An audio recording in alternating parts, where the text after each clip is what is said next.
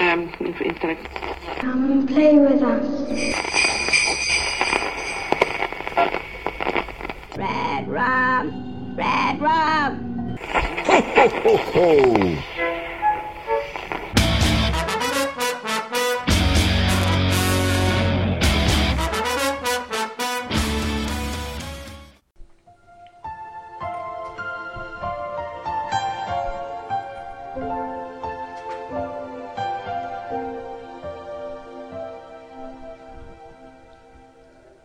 Was bardzo serdecznie w tę piątkową noc poprzedzającą święta Bożego Narodzenia. Daruję sobie dziś przydługi wstęp, bo ten już raz został powiedziany przed dwoma tygodniami i zainteresowanych odsyłam do odcinka z numerkiem 36, traktującego o serialu po tamtej stronie i rozpoczynającego mój maraton świąteczny i pewnego rodzaju crossover, gdyż w grudniu ciągnąłem cykl świątecznych odcinków zapoczątkowany w Radio SK, kontynuowany w podcaście Kombinat i zakończony kolejnym odcinkiem Radia SK. No a przynajmniej taki był plan, ale jak na dobrego matematyka przystało, tak sobie to wszystko wyliczyłem, że pozostał mi jeszcze jeden odcinek Kombinatu, w którym omówię kolejny blok tematycznych horrorów świątecznych, a do przesłuchania będzie on dostępny z rana w drugie święto, także możecie mnie potraktować jako swojego świątecznego gościa, który rozpocznie i zakończy z wami te święta. Tylko pamiętajcie o dodatkowym talerzu dla mnie, a, a jeszcze bardziej pamiętajcie o jego zawartości. Okej, okay, ale miało nie być długo na początek, więc przechodzimy do tematu podcastu. A dziś tematem będą dwa seriale ze szczególnym naciskiem na konkretne odcinki. I może każda z tych produkcji zasługuje na osobną audycję, ale jej nie dostanie. Oba seriale powstały w oparciu jedynie o motywy zaczerpnięte z książek Kinga i zacznę od zakończonej już produkcji.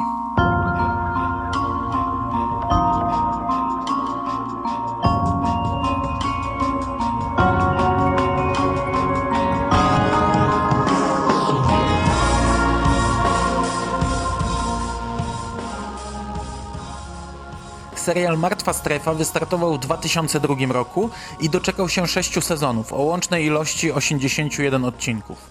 Serial gościł na antenie USA Network i był wariacją na temat powieści Martwa Strefa, która co by nie mówić stanowiła świetny punkt wyjścia do takiej odcinkowej produkcji. Wspomniałem już o tym przed tygodniem. Powieść Martwa Strefa ma budowę segmentową i składa się tak naprawdę ze wstępu, zakończenia i trzech zamkniętych historii.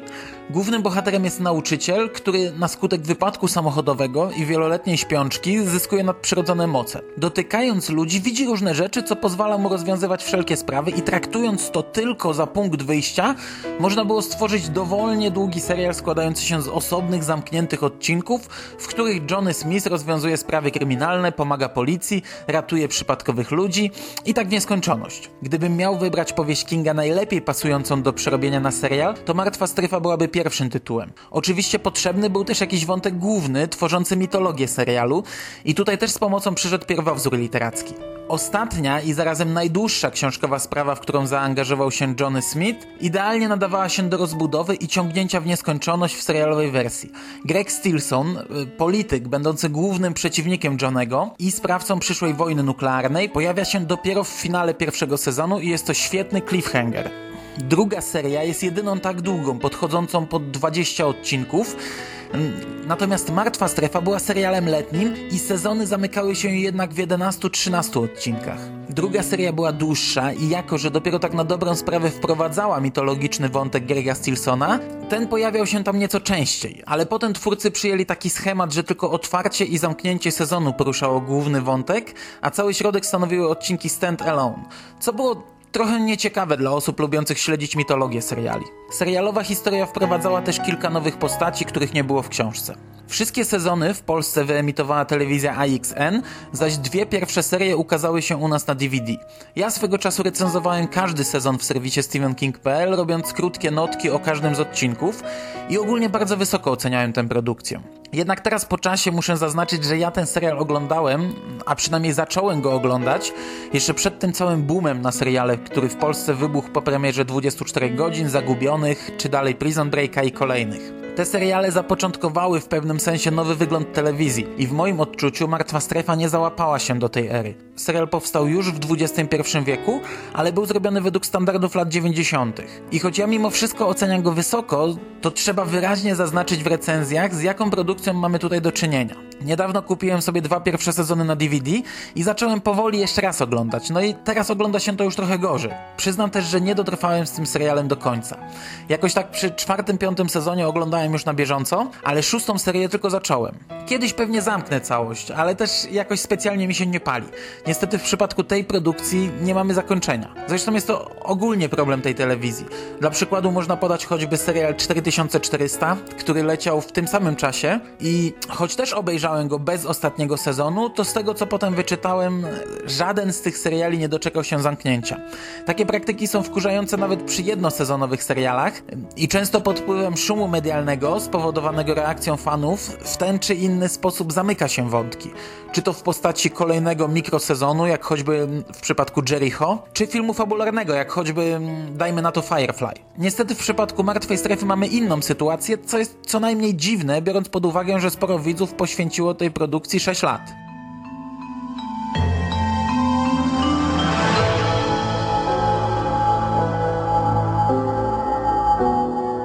Dzisiaj szczególny nacisk chciałbym położyć na specjalny odcinek świąteczny A Very Dead Zone Christmas, który znalazł się na liście epizodów sezonu czwartego, choć trzeba podkreślić, że skoro mamy do czynienia z produkcją wakacyjną, to czwarta seria skończyła się późnym latem, czy też wczesną jesienią, zaś odcinek specjalny miał swoją emisję w grudniu.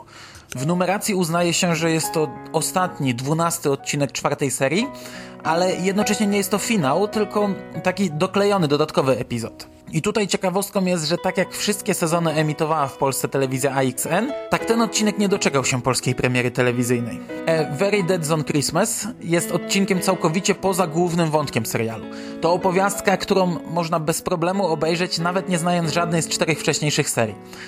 Owszem, będzie kilka nieznanych postaci, jak Bruce, przyjaciel Johnego, który pierwotnie był jego terapeutą, ale kim jest po czterech latach od wyjścia ze śpiączki, to tak do końca nie wiem. Będzie wielebny Perdy, czy Alex, dziewczyna Johnego, ale to taka dziewczyna, która pojawiła się wcześniej tylko w jednym odcinku i tutaj jest po raz drugi gościnnie. A jest to także medium, dla którego zwyczajnie w serialu nie było miejsca na dłużej. Sam Johnny to niezmiennie Anthony Michael Hall, aktor, który za dzieciaka wystąpił w świetnym, kultowym filmie Breakfast Club, a ostatnio grał choćby dziennikarza w Mrocznym Rycerzu. Od czwartego sezonu Martwej Strefy jest to tleniona wersja Johnego po ostrej solarce. Fabuła odcinka wygląda następująco. Bruce dwoi się i troi, by przygotować wigilijną wieczerzę, do której co róż dołączają nowi goście. Johnny z Alex próbuje na ostatnią chwilę kupić prezent dla syna, walcząc z innymi rodzicami, którzy zakupy zostawili na ostatni dzień. A w międzyczasie rozwiązują sprawę świętego Mikołaja z amnezją oraz porzuconych dzieci bez rodziny. Finał odcinka to kolacja, prezenty, życzenia, kolendy i zabawa na śniegu. Przesłodzone do granic możliwości, ale o to w tym chodziło. Ostatecznie otrzymujemy idealną historię na każde kolejne święta, która chociaż na tym podstawowym poziomie zakorzeniona jest w powieści Kinga. Ja bardzo polecam.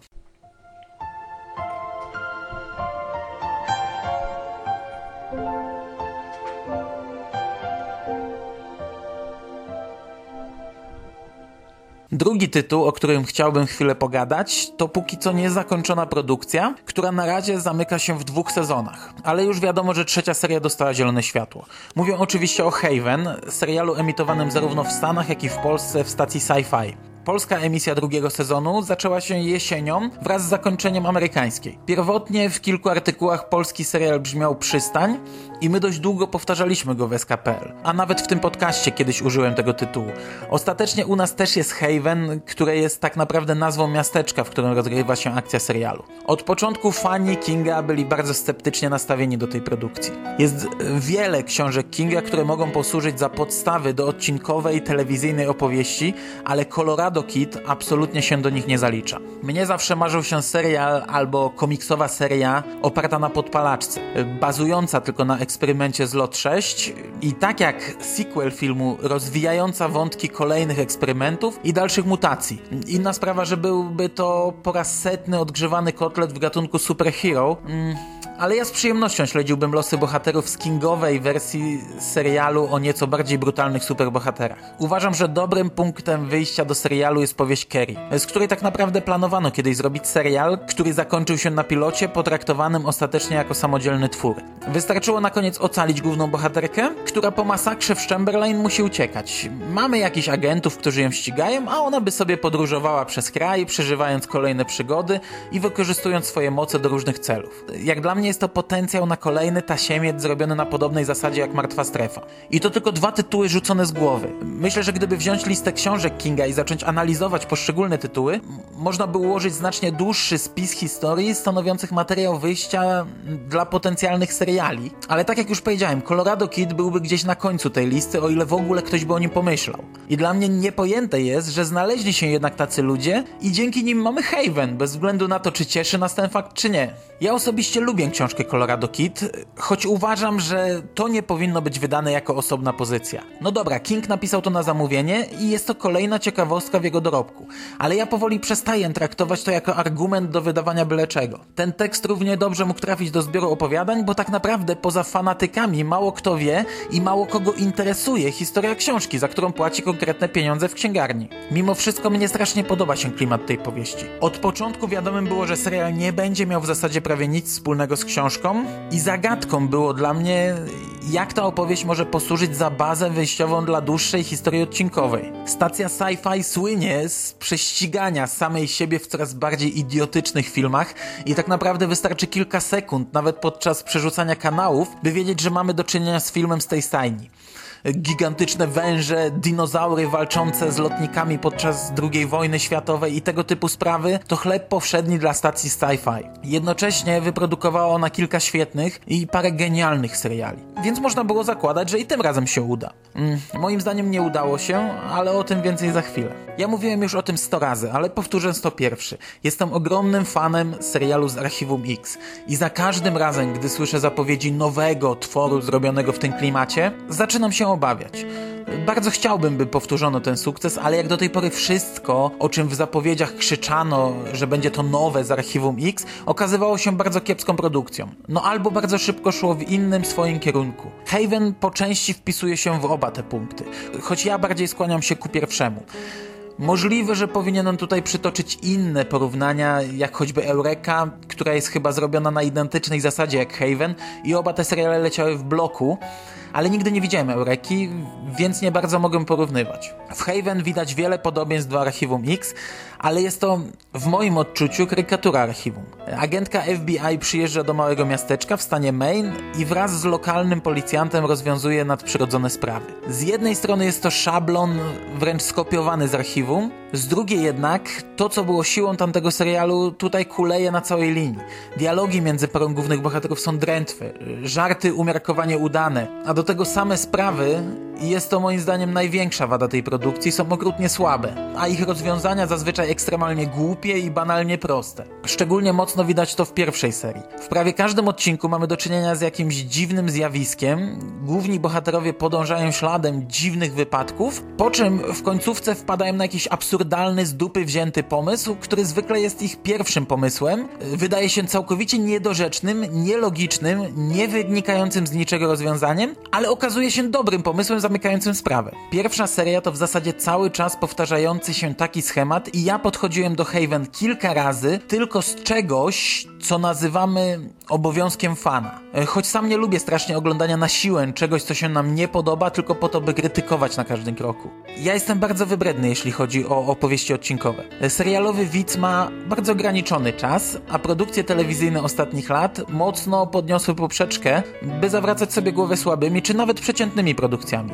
Haven zaczął bardzo słabo i taki stan utrzymywał się długo.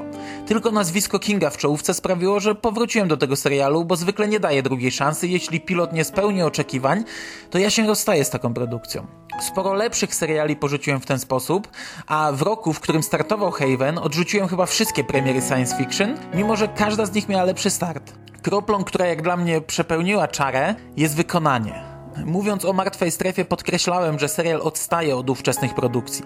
Haven moim zdaniem wykonane jest gorzej i choć te dwa seriale dzieli prawie 10 lat, to ja stawiam je mniej więcej na równi z lekkim minusem przy Haven, który porusza więcej wątków fantastycznych, a te są wykonane koszmarnie. W pewnym momencie jednak serial jakoś tam zaskakuje i drugi sezon naprawdę prezentuje wyższą formę. Po pierwsze, znacznie mocniej rozwija się główny wątek, który tak naprawdę ma już niewiele wspólnego z książkowym Colorado Kidem, a motyw ten biegnie już swoim własnym torem.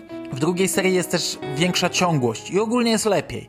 Ale po pierwsze, jak dla mnie, to nadal jest dalekie od ideału, a po drugie, trochę późno, by serial wskoczył na właściwy tor. Ja zostałem z nim tylko przez nazwisko Kinga. I gdyby nie to, koniami by mnie nie zaciągnęli, bym powrócił do Haven po słabym pilocie, nawet jeśli recenzje kolejnych sezonów oceniałyby dalsze odcinki bardzo wysoko. Należy jednak podkreślić, że serial jest przez wiele osób chętnie oglądany. Kolega nocny rozpływa się nad kolejnymi odcinkami w recenzjach na SKPL i choć nie podzielam jego zdania, to rozumiem, że serial może się podobać, o czym świadczy najlepiej zielone światło dla trzeciego sezonu, co jeszcze poprzedniego lata graniczyłoby dla mnie z absurdem. Powinienem też zaznaczyć, że podobnie jak w przypadku Martwej Strefy, ja nie skończyłem jeszcze oglądać Haven. Jestem gdzieś za połową drugiego sezonu, więc możliwe, że moja ocena będzie nadal rosła. Dużym plusem serialu są nawiązania do twórczości Kinga i często są to mocne rzeczy, ale jest to coś no co nie przeważy szali, by ostatecznie poświęcać kilkadziesiąt godzin na serial. Ale dla fanów to na pewno dobra zabawa, która mocno uatrakcyjnia obcowanie z serią.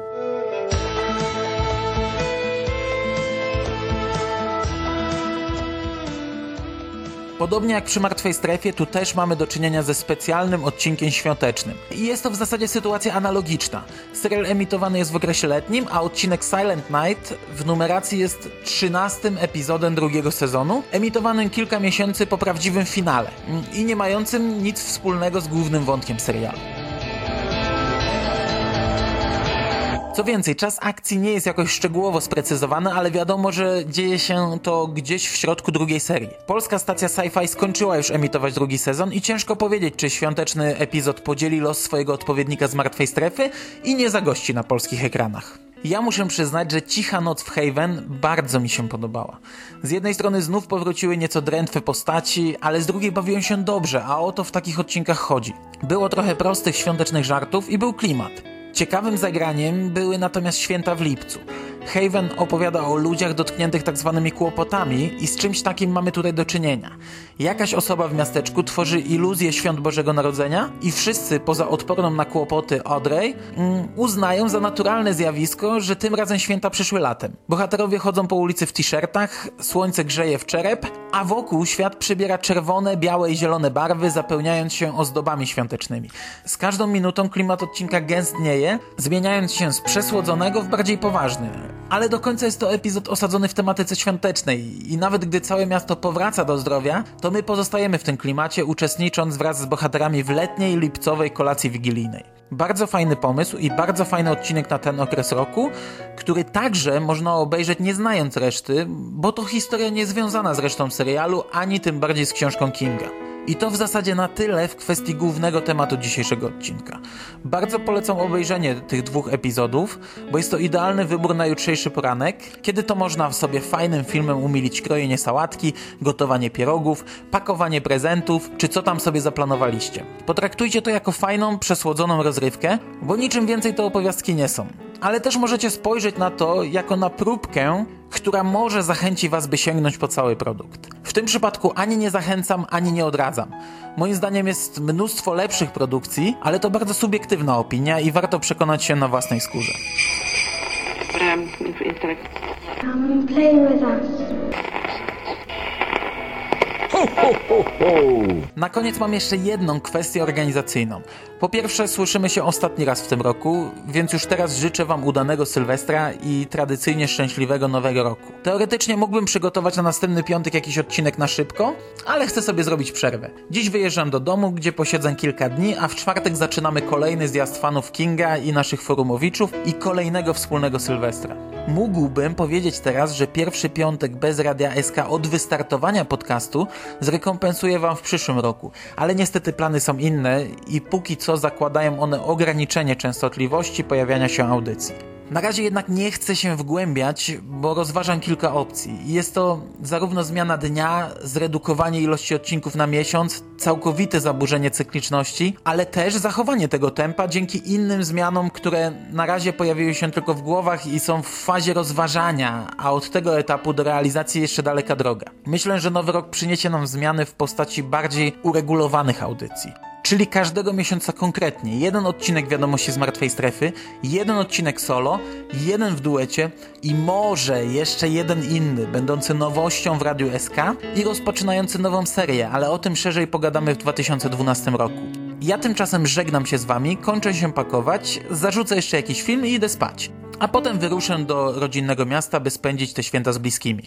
Życzę Wam wszystkiego co najlepsze, sporej dawki Kinga w nadchodzących dniach i to zarówno w formie filmów, książek, komiksów, jak i prezentów pod choinką. A tego powinienem życzyć najbardziej, by to King zdominował Wasze tegoroczne upominki. Trzymajcie się ciepło i do usłyszenia w 2012 roku.